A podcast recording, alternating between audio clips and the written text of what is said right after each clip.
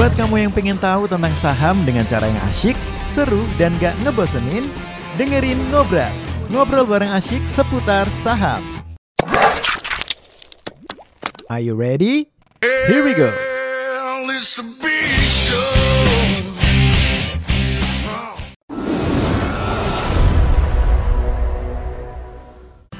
Hari ini kita mau bedah emiten nih. Bedah emiten bersama dengan Brogil dan ada Pak Fat Aliansa Budiman. Kita di sini tidak ada unsur mengajak membeli atau menjual. Kita di sini untuk membuka pikiran, pola pikir lebih kritis lagi ya terhadap emiten yang bakal mau kita bedah hari ini sobat investor. Brogil, seperti apa saham apa yang mau kita bedah hari ini Brogil? Oke. Jadi udah dipindahkan ke saya nih. Sudah dong. Oke. Silakan. Oke Bapak Ibu, jadi pada kesempatan hari ini kita akan membedah emiten TINS nih atau PT Oh, Timah. Tebe- TBK. Dengan tema yang akan kita ambil hari ini adalah apa kabarmu rare earth atau logam tanah jarang. Oke, jadi kalau kita masuk dulu Bu eh, Bapak Ibu ke mengenai eh, untuk apa sih sebenarnya penggunaan dari si logam timah ini. Kalau di sini kita lihat eh, mengenai eh, sebentar. Nah, mengenai penggunaan dari logam timah ini, logam tine, logam timah ini digunakan untuk eh, salah satunya untuk solder, ada chemical, ada tin plate, ada juga baterai di sana juga ada copper alloys dan juga lain-lain. Ini adalah penggunaan dari eh, apa si logam tina, eh, timah ini. Oke, sebentar Ber, sebelum kita lanjutin lagi. Berarti paling besar itu untuk kepentingan solder, ya. Solder. Jadi solder itu kan kalau misalnya apa Iya, buat iya. nyambungin nyambung kalau bikin alat apa mes- alat elektronik kan tadi ya? Elektronik, elektronik, Iya. elektronik. Elektro. Jadi memang kebanyakan penggunaan timah itu untuk solder. Mm-mm. Kalau yang tin plate ini untuk apa nih? Untuk melapisi ya? Lapisi. Oh. Karena memang sifatnya timah ini untuk tahan panas, Pak. Oh, Salah satunya. Tahan panas ya? satunya. Oke. Nah terus kalau misalnya di sini ada lain-lain nih, berarti dia buat kayak buat sendok, Iya, bisa gelas. semua tuh. Oh, Bisa oke. semua. Kemudian kalau kita lihat mengenai mengenai uh, Global Tin Resources and Tin Reserves. Jadi di sini Bapak Ibu bisa perhatikan bahwa uh, Indonesia kalau di bagian sudut kiri sana ada total reserve. Indonesia masuk dalam salah satu uh, yang cadangan terbesar untuk timah nih dengan sekitar 8%, 8% dari total populasi uh, dari total cadangan di dunia. Sedangkan untuk sumber dayanya, sumber daya dia memiliki sekitar uh, 7% nih, sekitar 7% untuk sumber daya timah di seluruh dunia. Nah, perbedaan mengenai reserve dan resource ini, kalau reserve memang cadangan yang bisa untuk kita jual, Pak. Kita bisa kita pakai. Yang Sedangkan reserve? kalau reserve. Oke. Sedangkan kalau resource masih berupa sumber daya yang belum tentu apakah dia layak atau tidak. Oh, jadi masih potensi untuk digalinya. Potensi untuk digali. Gitu. Itu untuk sum- sumber daya dan untuk reserve ya seperti itu juga. Kemudian kalau juga kita lihat mengenai Oh, berarti kalau misalnya kita lihat di sini Indonesia untuk reserve itu kedua terbesar ya. ya, Tapi kalau untuk resource-nya warnanya berubah ini? ya, warnanya jadi warna biru ya. Jadi dia oh nomor 4 lah ya. Oke, oke. Oke. Kemudian di sini kalau kita lihat mengenai eh, pangsa pasar, pangsa pasar dari Sitima ini dia udah men- eh, menjadi nomor satu untuk produsen dari Sitima eh, apa Tima sendiri nih Pak oke. di dunia. Karena sebelumnya memang yang dipegang oleh Yunantin di Ch- China, kemudian waktu di 2019 mereka ada penurunan produksi, kemudian untuk PT Timah di 2019 ini ada peningkatan signifikan untuk produksinya. Kenapa dia meningkat? Nanti kita akan jelaskan, Pak. Hmm. Jadi Kemudian- sekarang berdasarkan data 2019 ya. Betul. Dia nomor satu sekarang timah ya. Oh, oke. Nah, di sini kalau kita lihat kalau untuk pangsa pasar dari uh, Tima sendiri di 2018 waktu itu dia cuma sekitar 9%. Kemudian di 2019 itu naik jadi 19% tuh karena memang untuk produksinya juga sempat naik signifikan makanya pangsa pasarnya juga naik. Kemudian kalau kita lihat mengenai dari cadangan, cadangan biji timah dan sumber uh, daya biji timah ini kalau per 2019 itu cadangannya sekitar 327 juta Hmm. uh, ton sedangkan untuk uh, sumber daya itu masih satu juta. Ini tadi yang tadi itu sumber daya dengan yang cadangan, Pak. Untuk si Cina uh, Timah ini sendiri. Kemudian kalau kita lihat juga mengenai sebentar. Nah, ini ke siapakah PT Timah ini menjual produknya? Kalau kita lihat memang kebanyakan hampir 90-an persen itu ke ekspor sebenarnya Pak dan untuk regionalnya, untuk regionalnya itu paling besar itu ke Asia. ke Asia sekitar 76%, ke Amerika cuma sekitar 3% dan ke Eropa sekitar 21%. Dan di sini kalau kita perhatikan memang untuk domestik itu hanya sekitar satu persen nih Bapak Ibu. Satu persen dan sedangkan di eh, yang paling besar di Asia itu di Singapura. Sebenarnya penjualannya ke Singapura sebenarnya. Nanti kita akan jelaskan kenapa sebenarnya ke Singapura Sama India ya. sama India juga. Singapura, India, India. Jepang, Korea. Ini kalau misalnya ini bisa jadi Singapura tuh karena dia tempat hub ya, tempat per, Perdagangan. ya, tempat Jadi- perdagangan, tempat titik temu perdagangan. Betul. kan? Hmm. Jadi mereka jual jual ke sana tuh. Berarti ke perusahaan ini nih trading company bisa Mm-mm, tuh. betul. Iya. Kemudian kalau dari entitas anak dari si uh, PT Tima ini sebenarnya mereka punya ada 10 entitas anak di uh, Bapak Ibu. Hmm. Jadi di sini saya coba uraikan mengenai uh, apa namanya mengenai uh, sektor-sektornya mereka, bisnisnya mereka seperti apa. Jadi contohnya kalau kayak Indometal di London, uh, London Limited itu di bagian agen penjualan di Eropa. Kemudian kalau untuk PT Dock itu bagian docking atau pembuatan kapal dan kontribusinya di 2019 sih cuma eh di 2020 9 bulan 2020 itu cuma sekitar 0,11 persen. Sedangkan yang ketiga adalah PT Tima Industry itu bagian hilirisasinya Tima dan dia itu yang memproduksi untuk tin solder dengan tin chemical itu kontribusinya 3,5 persen. Dan kemudian yang PT Investasi Mineral itu non Tima jadi dia juga ada nikelnya juga Pak. Uh, untuk non Tima tapi cuma kontribusinya sangat kecil tuh sekitar 0,5 persen. Oh, dia punya nikel tapi kecil ya. Iya. Kemudian juga ada agrobisnis di sini agrobisnis nggak dijelaskan memang mengen- mengenai apa untuk di di bagian penjualannya itu Pak breakdownnya mengenai kontribusinya mereka. Kemudian ada Tima Investment International atau Special Purpose uh, Vehicle jadi kayak untuk ekspansi ke luar negeri bisnis ke luar negeri dia yang tangani dan juga ada juga rumah sakit nih Pak. PT Rumah Sakit Bakti Tima jadi mereka ada empat uh, usaha rumah sakit dan juga klinik. Ini kontribusinya sekitar 1,2 persen. Jadi mereka memang membuat rumah sakit ini kebanyakan di area pertambangannya mereka. Selain sebagai salah satu untuk kayak apa responsibility apa itu ya, CCR Corporate Soc- Social Nah. Responsibility CSR ya. CSR dan juga ada properti di sana juga kontribusinya 0,48 persen. Dan terakhir yang PT Tanjung Jaya itu bagian batubara dan ini juga mereka lagi proses untuk divestasi untuk Tanjung uh, Alam Jaya ini Pak. Karena kalau mereka ukur dari ekonomis dan sebagainya sepertinya mereka pikir mereka harus untuk divestasi. Kem- kemudian kalau untuk PT Kuta Raja Temang Jaya memang udah dalam likuidasi ya, likida, likuidasi nih. Likuidasi karena ada masalah keuangan atau ini nggak dijelaskan mereka Oh, oke, berarti secara yang sudah di stop ya. Iya. Kemudian kalau kita lihat mengenai uh, Sebentar, sorry, boleh usaha lagi boleh. Setahu saya saya sempat baca berita bahwa eh, rumah sakitnya pun juga mau divestasi ya. Sejauh ini belum ada informasi. belum ada ya. Belum ada. oh, oke oke oke oke. Kemudian kalau kita lihat mengenai kontribusi per segmen dan penjualan secara geografi ini per 9 bulan 2020 Nah, kita lihat di situ logam timah memang yang kontribusinya paling besar Bapak Ibu 94%, yang lainnya uh, di sekitar 1 sampai 2%. Dan untuk ekspor sendiri memang sekitar 96 dari total penjualannya ini uh, untuk ke ekspor dan lokal cuma sekitar 4%. Kemudian kita akan melihat nih kira-kira keuntungan dan keunggulannya si Tima itu uh, PT Tima ini seperti apa dan satu diuntungkan oleh regulasi terbaru. Di sini kita lihat nih Bapak Ibu yang di sudut bagian 2019 di sini produksinya bahkan untuk Indonesia yang pro apa 96% itu dari PT Tima loh untuk ekspor ke luar negeri, Pak. Nah, kalau kayak yang garis kuning ini kan mereka masih kayak ada sebagian Tima, ada juga smelter swasta dan Yes. di 2019 Tima semua nih, hampir 96% itu Tima semua yang untuk ekspor. Swasta enggak kenapa?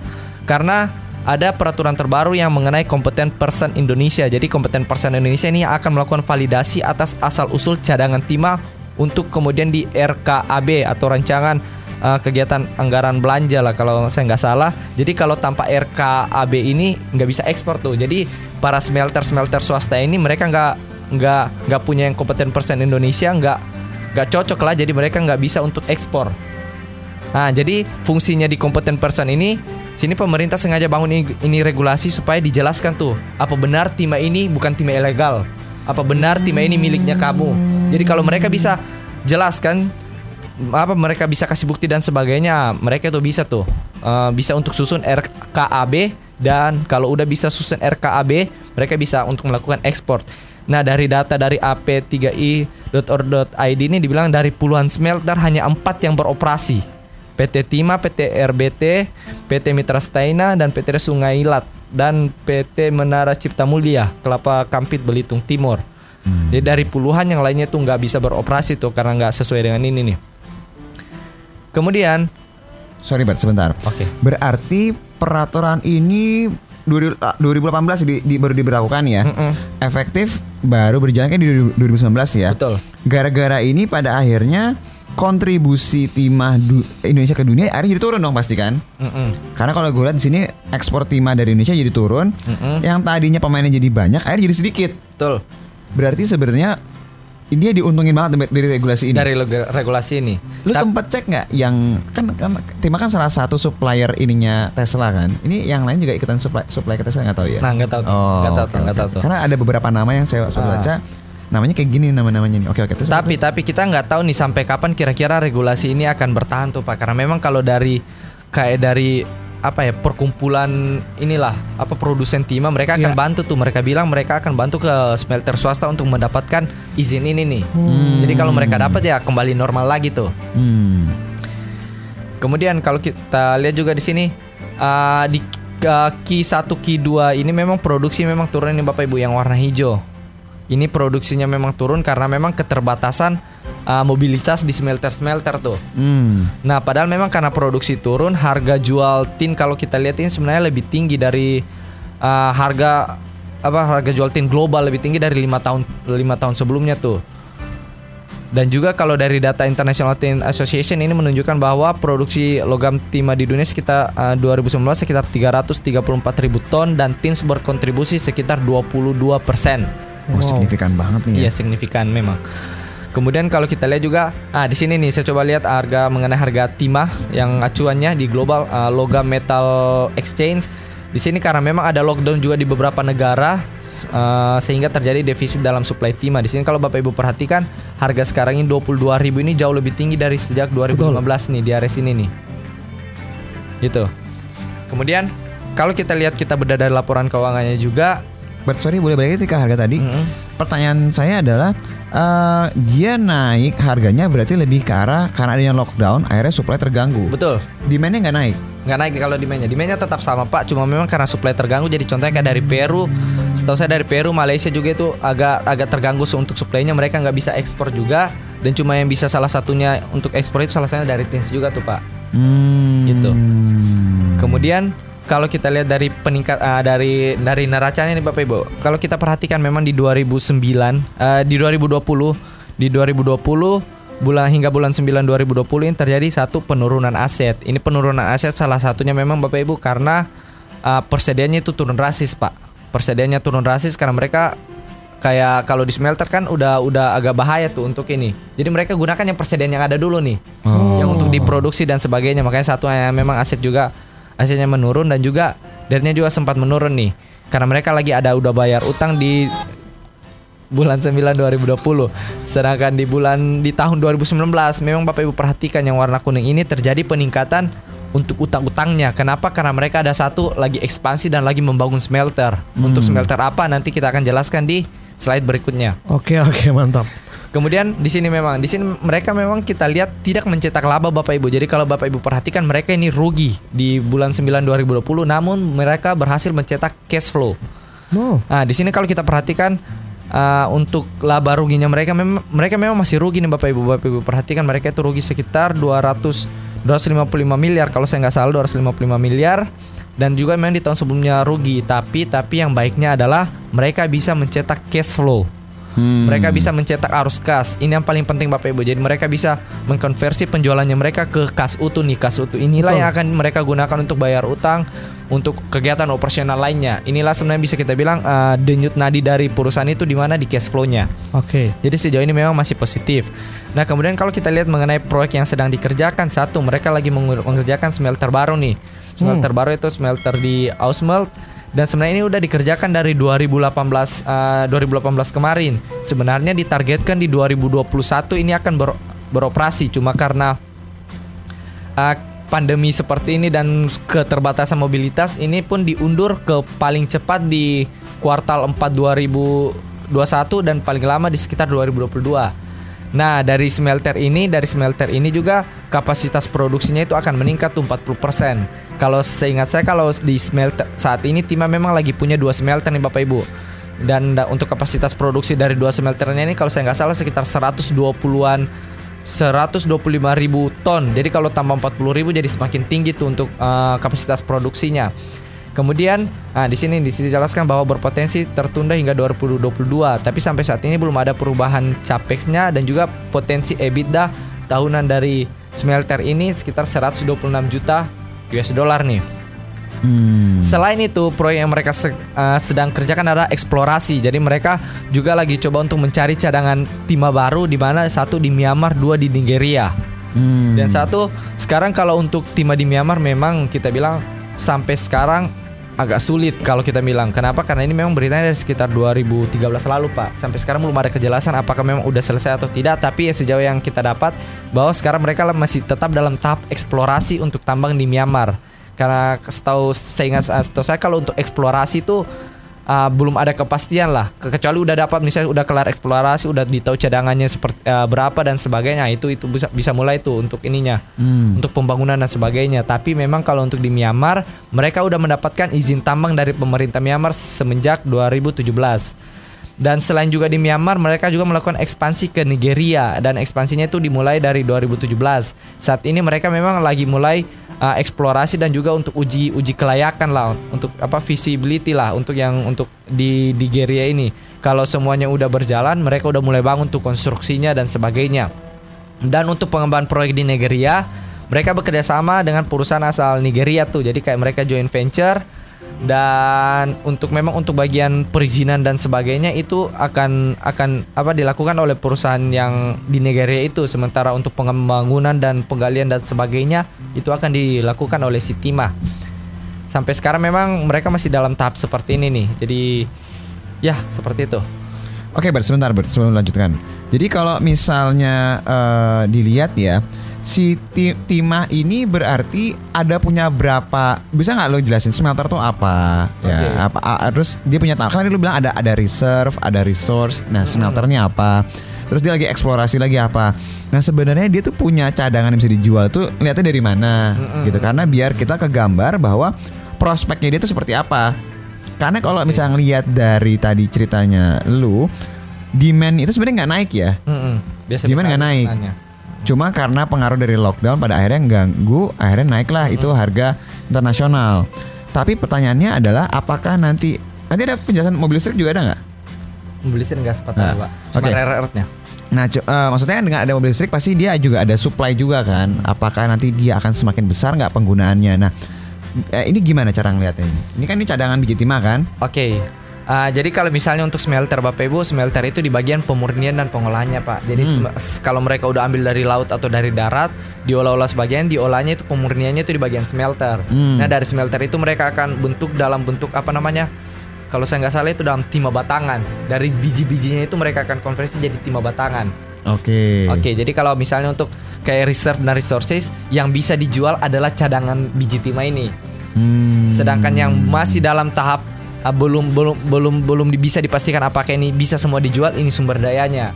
Oh, Karena mereka masih harus olah oke. lagi dan sebagainya dan sebagainya apalah itu uh, saya juga kurang paham mengenai pengolahannya juga tapi setahu saya kalau untuk yang bisa dijual ini yang cadangan biji timahnya ini.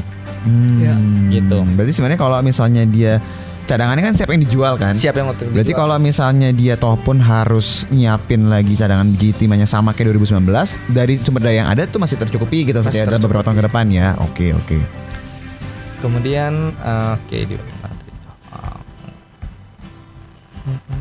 Ini keuangannya sehat ya. sehat, sejauh ini sehat. Hmm. Walaupun memang rugi tapi cash flow-nya tetap lancar. Nah, masalah smelter sama eksplorasi ini berarti dia smelter ini yang tapi belum gerak, belum jalan berarti smelter smelter yang di Ausmelt ini belum ya?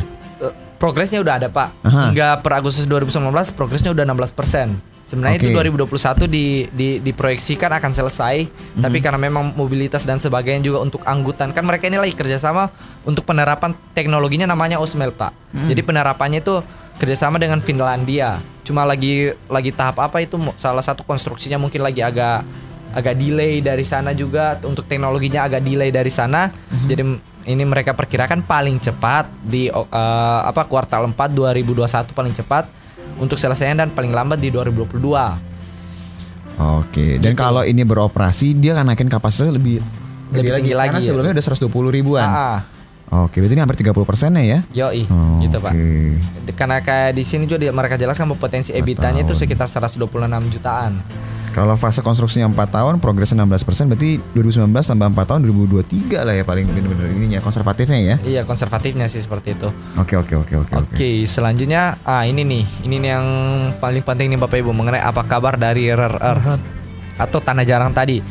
Tapi kita harus ah, perhatikan dulu mengenai fungsi dari rare earth ini seperti apa. Jadi rare earth ini digunakan untuk bahan untuk pembuatan senjata, satelit, barang elektronik ataupun mobil. Buh. Oh. Nah, ini bagian rare earth-nya. Sedangkan kalau timahnya tadi kayak ya masih umum-umum lah kayak solder dan sebagainya. Rare earth-nya ini yang sebenarnya penting banget nih. Tapi sejauh ini memang potensinya rare earth ini Bapak Ibu memang sangat besar, sangat-sangat besar. Tapi sejauh ini yang PT Timah ini lagi hadapi kendala nih Bapak Ibu.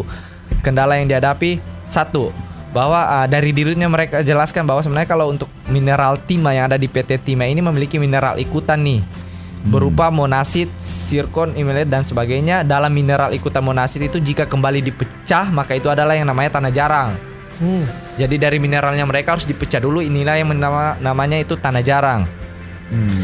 Kemudian mereka sampai saat ini mereka lagi untuk revalidasi nih cadangan untuk uh, tanah jarang ini karena uh, mengingat cadangan dari mineral monasit adalah mineral ikutan sehingga mereka harus memahami dulu berapa sebenarnya cadangan yang mereka miliki nih. Kalau sebenarnya udah mereka tahu cadangannya berapa, mereka udah bisa masuk ke satu investasi, kedua untuk pengolahan, Oke. Ketiga, untuk membuat yang untuk tanah jarang ini untuk mengolah itu teknologinya nggak bisa sembarangan Bapak Ibu. Jadi memang butuh teknologi yang khusus dan teknologi yang uh, tepat untuk bisa dikomersialkan, Hmm. untuk Iya. bisa dijual skala komersial. Dan memang seingat saya dan yang terakhir yang saya baca, uh, Pak Luhut Binsar Panjaitan memang lagi dalam diskusi tuh. Sebelumnya memang dia diskusi dengan Pak Prabowo bahwa Pak Prabowo bilang bahwa sebenarnya bagus banget nih rare earth untuk pembuatan senjata karena satu untuk ketahanan panasnya dan sebagainya nih. Hmm. Jadi kemungkinan untuk alut alutista itu bisa bisa bagus banget nih Hmm. untuk pembuatan itu. Nah, si Pak Luhut sendiri juga bilang bahwa dia juga lagi temen- eh, sementara dalam eh, untuk mencari investor untuk di bagian rare, rare earth ini. Sebenarnya investornya itu banyak Bang Hendrik, banyak, banyak.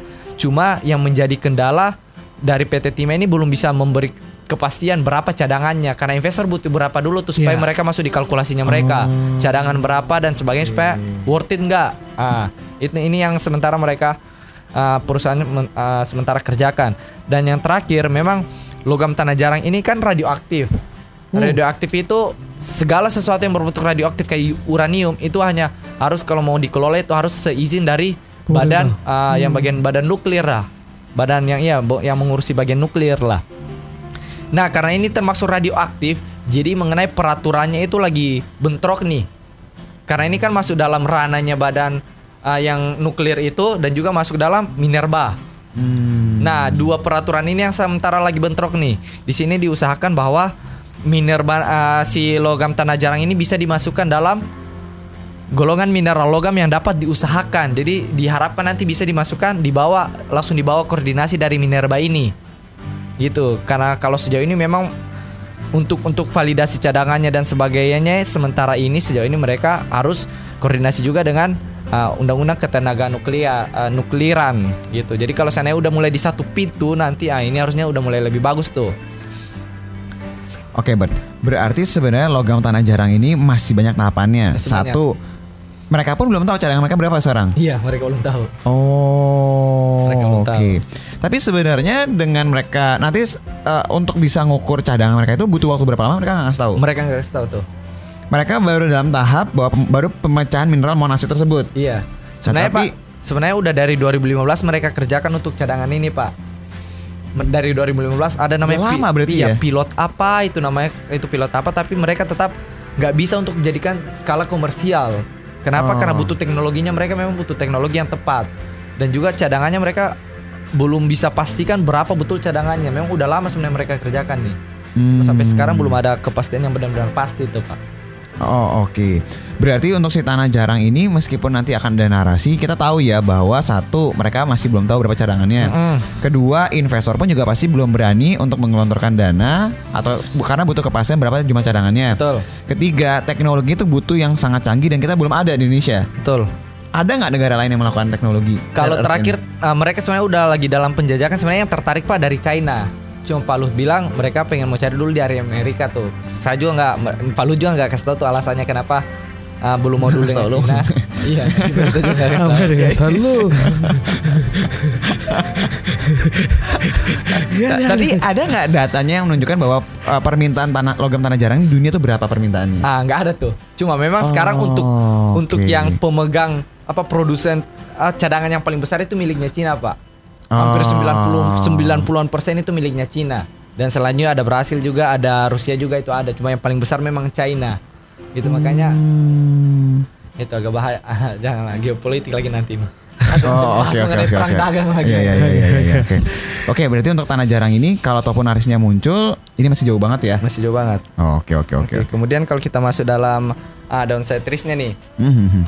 Ah, kemudian kalau kita lihat satu masih bergantung pada pihak ketiga untuk bagian produksi karena kita tahu memang satu dari masalah teknologi itu tuh Bang Hen. Terus yang kedua mengenai belum optimalnya kontribusi dari entitas anak. Jadi alangkah mungkin ke depannya ah, si PT Timah ini harus mulai meng, apa merger mergerkan anaknya nih harusnya supaya lebih bagus lebih bisa terfokus lagi ke bisnis utamanya mereka apalagi 90-an persen itu dari logam timah. Bert, boleh nggak balik ke anak-anak tadi lagi sebelum kita ini ya?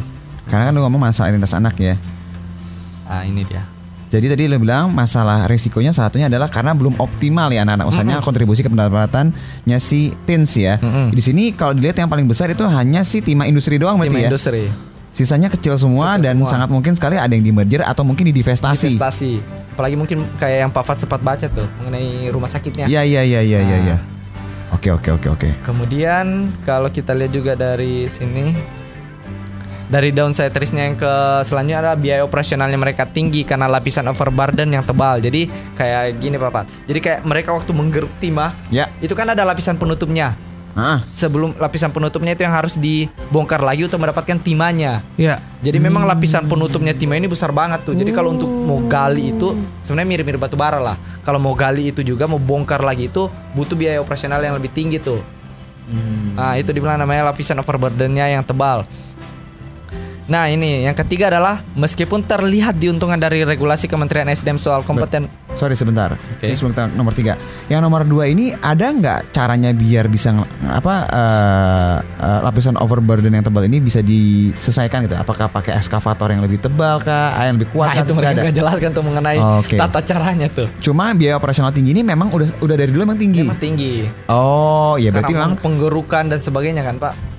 Berarti ketika harga internasional drop signifikan dia kena Drop banget ya. kena, Karena kena untuk ngeruknya aja biayanya tinggi banget. Betul. Dibanding batu bara mahalan dia. mahalan dia sebenarnya kalau biaya Oh, iya. untuk untuk ngeruknya apalagi ke mereka Tapi- kan juga ke bagian uh, apa di laut dan sebagainya apalagi juga di bagian smelter smelternya mereka bagian pemurnian itu tinggi banget mengenai biaya operasionalnya mereka makanya kalau bapak ibu perhatikan GPM-nya mereka itu cuma ya sekitar uh, 15% uh, 20% GPM cuma tuh ini laba kotor ya, laba kotor laba kotor ya. sekitar area situ saja tuh laba kotornya mereka Hmm. Itu karena alatnya memang harus diimpor atau menyewa lagi pihak ketiga atau emang Karena lapisnya tebel, Rick. Iya, Jadi kalau misalnya lu taruh deh, lu ngeruk sekali langsung dapat. ya Itu berarti kan lu biayanya lu untuk sekali ngeruk bayar orangnya cuma berapa jam selesai kan. Hmm. Tapi kalau dia tuh mungkin ngeruknya harus berkali-kali baru ada dapat satu, dua gitu loh. Jadi makin biaya pengurukannya mahal, makin seterusnya makin mahal, otomatis itu akan bikin jadi gede operasinya. Oke, biaya operasinya. Oke. Terus yang ketiga adalah meskipun terlihat diuntungkan dari regulasi Kementerian SDM Mhm, soal mhm, kompeten mhm. persen Indonesia yang membuat beberapa pengekspor Tina tidak bisa melakukan ekspor, namun hal ini justru menjadikan Indonesia country risk. Karena Karena buyer lebih memilih uh, membeli dari Singapura yang merupakan secondary market. Jadi kayak gini, uh, karena mulai ada nih uh, apa namanya kompeten persen itu kan supaya melihat bahwa apakah memang timahnya mereka ini legal atau ilegal. ya Cuma karena mulai ada kompeten persen dan banyak yang tidak dapat itu berarti pemikirannya orang yang bayarnya itu wah berarti ada yang ilegal nih. Oh berarti keseluruhan Indonesia ini malah takutnya malah nggak benar semua jadinya. Iya, nggak benar semua Oh. takutnya itu jadinya itu yang menjadi menjadikan Indonesia sebagai country risk karena memang Indonesia maksudnya jadi country risk jadi Benar, mereka benar, lebih benar, benar, memilih benar, untuk membelinya dari secondary market dari Iya, iya, Singapura iya, tadi. iya, iya, iya. Jadi ceritanya Indonesia harus menjual dulu ke Singapura dan Singapura bahkan menjual lebih tinggi bisa jadi. Tapi lucu sih jadinya Ah, ya. Karena itu kan sebenarnya pada dasarnya kalau misalnya bayarnya tahu Singapura ngambil dari Indonesia, kenapa dia ngambil dari Indonesia Nggak aja? tahu tuh mungkin untuk lebih amannya tuh pak. Mungkin Karena dari sisi dari si negara Singapuranya perusahaan tradingnya itu lebih ketat ininya. bisa jadi. Apa namanya tuh eh, ngefilternya. Iya bisa jadi. Tapi nggak agak nggak masuk akal sih. Kemudian kemudian ah ini nih sebenarnya yang mungkin juga saya juga baru tahu nih sebenarnya nih. Sebenarnya Indonesia ini bisa jadi benchmark untuk acuan timah dunia, Pak. Sama Jadi kayak kelapa sawit sih. Jadi bisa jadi acuan Iya. karena Indonesia ini jadi kayak produksinya produksi cadangan timah juga besar besar besar besar banget nih Hmm. produksi terbesar. Memang bisa jadi acuan harga nih. Cuma karena adanya dualisme bursa yang menjadi disrupsi dari harga acuannya ini. Hmm. dualisme bursanya ini apa? Jadi ternyata PT Timah itu semenjak 2000 eh, dia tuh nggak bisa langsung menjual ke end user. Dia harus menjualnya lewat bursa dan penentuan harganya itu di bursa jadi sekarang ini sebelumnya memang sebelumnya dari 2000 da- dari di di bawah 2018 sebenarnya mereka bertransaksi melalui uh, apa ini uh, komoditi dan derivatif exchange. Tapi kemudian di 2018 dibuat lagi satu bursa pak. Nama bursanya adalah Jakarta Future Exchange. Nah, Jakarta karena mulai ada bursa ini jadi ada dua bursa jadi kayak harganya ya jelas jelas beda kan pak jelas-jelas beda. Nah, dari Sitima ini mereka kalau untuk bertransaksi untuk dijual di dalam negeri, mereka menggunakan yang commodity derivative exchange dan kalau untuk penjualan keluar mereka menggunakan Jakarta uh, Future Exchange ini nih. Oh, saya pikir tuh Gitu. harga internasionalnya. Ini malah dalam negerinya malah ya. Malah dalam negerinya Berarti Pak, ada spread dong. ada tetap ada spread, ada spreadnya tapi kalau yang terakhir saya cek nggak nggak nggak besar amat Pak. Cuma memang Tapi kalau kalau dari- kuantitinya gede, Iya, kalau dalam produksinya. Kalau ngambil apa? Oke, saya perusahaan dalam negeri ngambil dari sini harganya ini ngambil lihat spreadnya cuma 0,02 persen gitu misalnya. Ah. Ya, tetap aja kalau kuantiti tetap, gede. tetap kualitasnya uh, besar. Dan Oh, memang kalau oke. untuk acuannya mereka ini mereka mereka melihat memang untuk acuan harga dalam negeri mereka me- salah satunya juga melihat dari yang benchmark yang di luar itu yang London Metal. LMA, LMA itu LMA ya. itu salah satunya memang gitu. Tapi ini lagi kalau ini yang menjadi salah satu downside risknya seandainya seandainya cuma satu saja ini komoditi derivative exchange Indonesia kemungkinan besar besar potensinya untuk bisa menjadi acuan harga timah dunia lah. Cuma karena ada dua jadi agak bingung lah. Ini agak agak sedikit menjadi resiko sih sebenarnya Pak.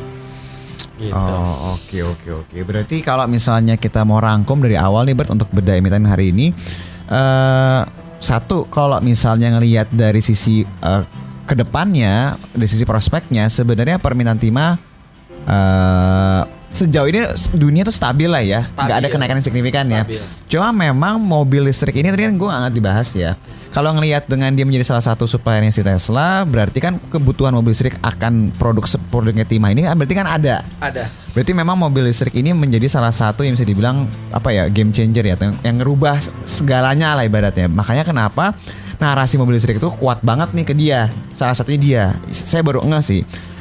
yang kedua juga harga internasional pun juga karena salah satunya dipengaruhi karena lockdown di negara-negara lain yang akhirnya mempengaruhi supply-nya. Mm, Berarti kalau lockdown ini sudah mulai hilang, harusnya harganya akan lebih stabil dong. lebih stabil. Oh, oke, harga akan lebih stabil. Nah, terus dari sisi yang masalah kom kompeten person Indonesia ini memang menguntungkan timah sebenarnya. Sejauh ini menguntungkan. Kalau dibandingkan dengan perusahaan dalam negeri yang lain. Mm-mm. Tapi dari sisi risiko, Indonesia menjadi country risk buat Betul. mereka yang mau beli timah Indonesia. Meskipun kalau menurut saya aneh karena mereka beli dari Singapura. Ah, ah. Karena timah itu juga jual ke Singapura juga banyak. Iya. Jadi seperti aduh, agak bingung juga ini saya. Mungkin kayak lebih amannya lah Pak. Jadi kalau ada disalahkan ada mungkin yang ah, inilah. Enggak, saya pilih sebenarnya ini. logikanya kan kalau misalnya Indonesia jadi country risk, ya dia nggak akan ngambil dari Singapura. Ah. Tetap. Tapi kalau Indonesia dia ngambil dari country risk tapi ngambil dari Singapura, berarti sebenarnya Indonesia nggak jadi country risk, tapi kenapa ya harus lewat Singapura gitu kalau misalnya Indonesia? Iya. Ya sudahlah, kita nggak mau terlalu banyak banyak terlalu banyak lah itu. Terus yang masalah dari sisi eh, dualisme harga ini memang saya nggak terlalu mengerti, tapi yang jelas yang berada yang di tengah itu akan diuntungkan sebenarnya. Misalnya perusahaan perdagangan yang ngambil, oke saya mau ekspor, ambil aja dari dalam negeri, jual. Itu kan sebenarnya dari dalam negeri aja udah udah ada spread kan. Kita ngomong kuantitinya bukan ngomong dari sisi ini. Oke oke. Berarti sebenarnya kalau dilihat menarik nggak sebenarnya perusahaan timah? Kalau menurut lo menarik nggak apa enggak? Sebenarnya menarik Pak. Mhm. Cuma karena yang yang tim ini Bapak Ibu jadi mungkin bisa yang diperhatikan mengenai berita ke depannya narasi ke depannya yang potensi membuat harga timah ini tinggi yaitu satu misalnya tiba-tiba diumumkan akhirnya Pak Luhut menemukan kerjasama dengan perusahaan untuk pengolahan rare earth. Nah itu pasti harganya tuh naiknya signifikan. Itu satu. Dan yang kedua kalau seandainya mengenai dualisme ini udah mulai nggak ada tuh itu harusnya memberikan efek tapi kayaknya untuk dijadikan satu karena dari dari apa ya? Dari kayak komunitasnya pak itu mereka lagi mengusulkan ke Pak Jokowi supaya satu aja Oh. gitu. Mereka lagi usulkan di satu aja nih Oh, supaya gini oke. tergantung dari Pak kalau misalnya nanti oke jadi untuk benchmarknya untuk apa uh, bursanya satu aja ah, itu menguntungkan si harusnya menguntungkan sih sebenarnya supaya mungkin ke depannya kita bisa jadi harga acuan untuk si tim itu sendiri dan Oke, yang terakhirnya oke. mengenai explore apa namanya Ausmelt itu apalagi itu memberikan kontribusi yang sangat-sangat Signifikan. signifikan untuk si uh, produksinya dari Tima. Jadi sejauh ini itu sih yang bagus apalagi kalau yang saya lihat waktu uh, mereka ini walaupun memang rugi tapi cash flow-nya memang itu untung. Karena memang di 2019 kalau saya nggak salah 2019 2018 kalau saya nggak salah mereka udah mulai ada rombak manajemen baru juga nih Pak. Tima ya. Si Tima mungkin mereka rombak manajemen baru mungkin dengan visi yang lebih baru dengan strategi yang lebih baru lagi sehingga mereka masih bisa mencetak cash flow ah ini nih positif banget tuh harusnya ke depannya. Cuma kalau ditanya apakah di harga sekarang ini murah atau tidak kalau menurut saya kalau bisa lebih tawar lebih rendah kenapa enggak gitu. Oh, oke. Sekarang tuh PR berapa sih dia? PR minus juga sih. Dia kan. rugi bersih ya. Iya. Oke, untuk harga wajarnya? Gini Rick, kalau untuk harga wajar yang kalau gue di sini eh, sebenarnya untuk perusahaan yang kayak komunitas ini l- kita harus melihatnya dari sisi sentimen, dari sisi narasi yang ada ya, momentum media. Jadi kalau ngomongin Pak, PR-nya biasanya sekian, ini biasanya PBB sekian agak susah sebenarnya karena kalau yang dilihat sekarang mobil listrik ini benar-benar ngerubah keseluruhan Rick. Yes. Jadi eh, Bapak Ibu tuh akan melihat bahwa eh, im- imbas dari perkembangan mobil listrik ini akan besar banget nih kalau benar kegunaan ti- timah atau produknya dia itu memang masih banyak dibutuhkan gitu loh ya. Karena kan dulu gue ingat banget waktu booming eh, kebutuhan eh, solder itu untuk barang-barang elektronik ketika barang elektroniknya makin kecil kan dulu kan gede-gede kan barang Ya, kan ya, sekarang ya, makin ya. kecil otomatis kebutuhan solder pun jadi kecil, Makin gitu kecil, loh. betul. Jadi kalau kebutuhan untuk mobil listrik ini masih ke depannya masih besar, jelas dia salah satu yang diuntungin sih. Nah kalau misalnya dibilang ini Pak berarti kalau beli saham ini Ngeliatnya per, ngeliatnya PBV atau ngeliat dari valuasi yang mana? Saya nggak tahu ya valuasi apa yang cocok sebenarnya buat si emiten ini. Tapi yang jelas ketika likuiditasnya ada di saham tersebut ya Apalagi momentumnya ada itu sih yang bisa dijadikan eh, potensi narasi ke depannya Drik Yang bisa menjadikan eh, apa ibaratnya dasar kalau misalnya mau trading atau invest di perusahaan ini sih. Investnya juga investnya nggak bisa invest yang dibeli di dimin ya. Iya. kalau di perusahaan komoditas tuh harus diperhatiin apalagi kayak harga internasional tadi tuh berpotensi eh, terkoreksi kalau sampai demand itu stabil tapi lockdown udah mulai dibuka di semua negara. Itu sih Indrik. Mau nambahin? gitu. Dan juga sebenarnya harus diperhatikan juga ke depannya. Mungkin mungkin kita akan lihat kayak mobil mobilitasnya kita kemungkinan kebanyakan di dalam rumah tuh pak.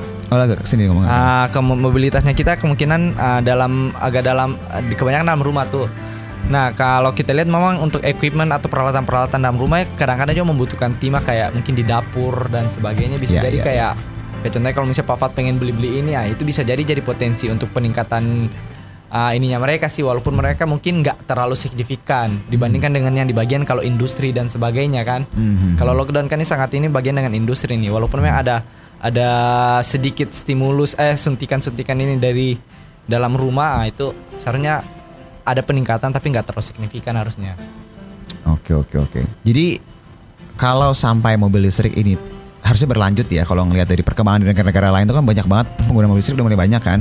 Di Indonesia juga mulai masuk, penggunaan di sana juga ma- makin besar. Jelas narasi dia akan berbeda Hendrik. Jadi ketika harganya ini bisa melemah, tinggal dicek nanti kira-kira area entry di bagus di mana karena harusnya narasi masih panjang sih sebenarnya untuk Stima ini sih. Cuma bukan berarti beli di demand ya. Dicek dari segi uh, kegunaan si Stima sendiri untuk uh, si mobil listriknya itu sih. Itu sih yang kira-kira bisa bikin ngerubah gambaran ke depannya sih, Hendrik. Gitu Hendrik. Oke, thank you Mas Mat.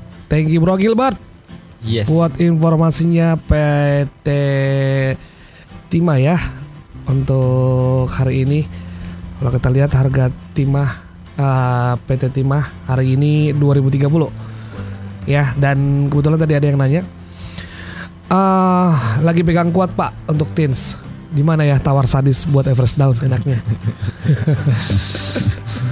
Untuk hari ini coba Bro Gil Tanggal 27 Januari 2021 Jam 10.47 Nawar timah di mana nih? Sepertinya ISG melawan ya paparnya Ya makanya kalau misalnya lebih baik kita bahas yang lain jadi Bapak Ibu bisa tenang. Eh baik lagi nih sahamnya gitu. Jadi biar lebih tenang lah. Di mana nih nawar sadis untuk Everest Bro Gil? Ah, gini Pak, kalau di sini kan kalau kita lihat memang dia ada potensi untuk kayak tadi tadi nih, hampir semua saham yang potensi ini double top semua nih Pak, gitu. Sejauh ini kalau kita lihat memang mulai ada perlawanan, mulai ada perlawanan, tapi ini belum mengkonfirmasi apa-apa nih Pak. kecuali dia udah mulai bermain di 2200, 2400. Nah, ini tuh bisa kita bilang mulai ada perlawanan yang kuat. Tapi selama dia masih bermain di area sini, ini sejauh ini masih technical rebound sih, Pak. Gitu. Jadi, kalau misalnya mau antri sadis perhatikan kalau seandainya dia dibawa 1900 ini, Pak, agak bahaya. Kalau dia break di sini ternyata Pak beberapa hari ke depan dia break di sini, wah kita langsung antri sadis Pak. Antri sadisnya di berapa? Di bagian 1500 sampai 1600 area sini nih Pak. Langsung mulai antri sadis di area sini nih Pak. Oke, area Pak. 1000 500 sampai 1600. Kalau seandainya beberapa minggu ke depan dia tembus di bawah 19 tuh Bang Hen. Oke. Gitu, lebih bagus terlambat daripada salah pijakan. Betul. Dan in, eh, ada Broki nih. Pak, itu materi PDF Teensnya bisa dapat dari mana ya? Diolah Pak. Diolah Pak. Diolah sama Bro Gilbert tuh. Gokil ya. Jadi semua bisa dapat di sana ya. Kalau misalnya di, boleh dibagi, boleh nggak dibagi nggak sih? Nanti coba kita ini ya, kita cek dulu ya. Karena itu buat properti buat di kitanya jual. Oke. Jadi Bapak Ibu bisa ngeliat di video aja di video di YouTube Betul, kan. video di, di- YouTube nanti Bapak ya. Oke, terima kasih Bro Gil ya. Terima Iya. kasih Pak Fat. Buat hari ini Sobat Investor, sepertinya ISG kita ada perlawanan, lebih cuan. Kamu baru aja dengerin Ngobras, ngobrol bareng asyik seputar saham. See you to the next episode.